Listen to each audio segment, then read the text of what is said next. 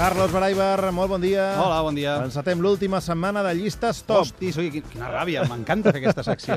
Ah, sí, sobretot perquè parles de coses eh, estúpides, no? Sí, bàsicament. Sí? Avui també toca això? Avui també, avui és Sí. un clàssic de les llistes, lleis ridícules o estúpides que encara estan en vigor. Més que res, i he pensat perquè hi ha alguna gent que no para de dir que la llei és el primer, i que la llei, que si la llei, la llei cap aquí, la llei cap allà... Doncs aquí van 10 demostracions que la llei pot ser tan absurda com nosaltres, les persones que la fem. Una llista cortesia de la web unitedexplanations.org.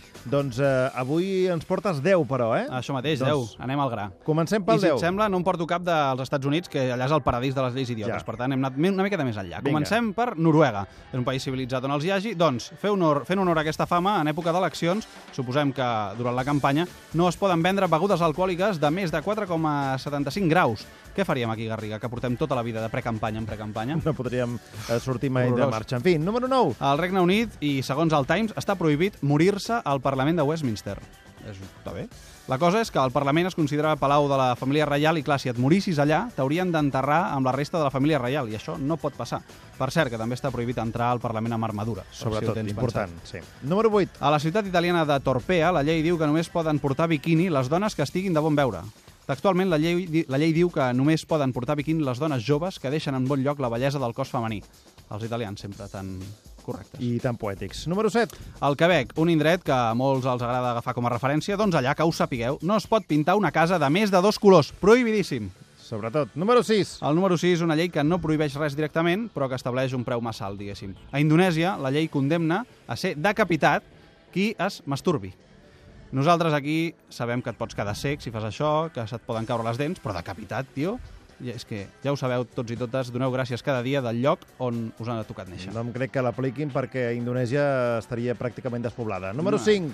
Anem ara als Emirats del Golf Pèrsic, capitals de la llibertat. A Bahrein hi ha una llei bastant fotuda pels ginecòlegs. La llei prohibeix als ginecòlegs de Bahrein mirar directament als genitals d'una dona. I direu, i com s'ho fan? Per fer els exàmens i la seva feina, bàsicament? Pel pan. Doncs no, bueno, no? també, suposo, però se'ls han de mirar a través d'un mirall. Sempre Mare i en tot moment. Quina feinada, també. Número 4. Ara anem a Suïssa, una altra referència civilitzatòria. Doncs es veu que a Suïssa no es pot tirar la cadena del vàter després de les 10 de la nit.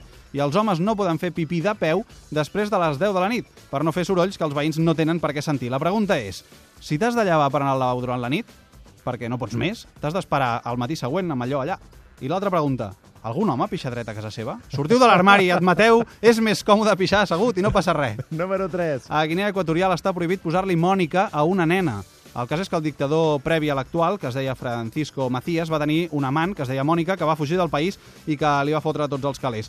Es diu que, a més de sentenciar-la a mort, va prohibir posar aquest nom a ningú. No m'he llegit tota la legislació de Guinea Equatorial, però amb els perles que manen per allà, qui s'arrisca? Número 2. El número 2, una llei australiana que tindrien problemes per complir aquí aquests dies. Es veu que en aquell país està prohibit portar mini shorts de color rosa a partir del migdia de diumenge. I tampoc s'especifica fins quan. Però ja dic jo que aquest diumenge que ve et trobo 10 persones incomplint la llei australiana sense moure'm d'un banc de la plaça Catalunya. Això dels minishorts segur, però que siguin roses ja és més complicat Segur. de trobar. Tu sí, tu ho assegures, eh? Vinga, número 1 per I, acabar. I per estrany que sembli, Marc, això de fer lleis idiotes o absurdes, a Espanya també passa. Sí, sí, tu diries, a Espanya això no passa. Doncs sí, a Espanya, segons l'article 612 del Codi Civil, estàs autoritzat a perseguir un eixam d'abelles que s'hagi escapat de la teva propietat durant dos dies en una propietat aliena. Això sí, si després d'aquests dos dies no has pogut recuperar l'eixam d'abelles, aquestes abelles passen a ser propietat del mateix propietari que és posseïdor del terreny on han anat les abelles.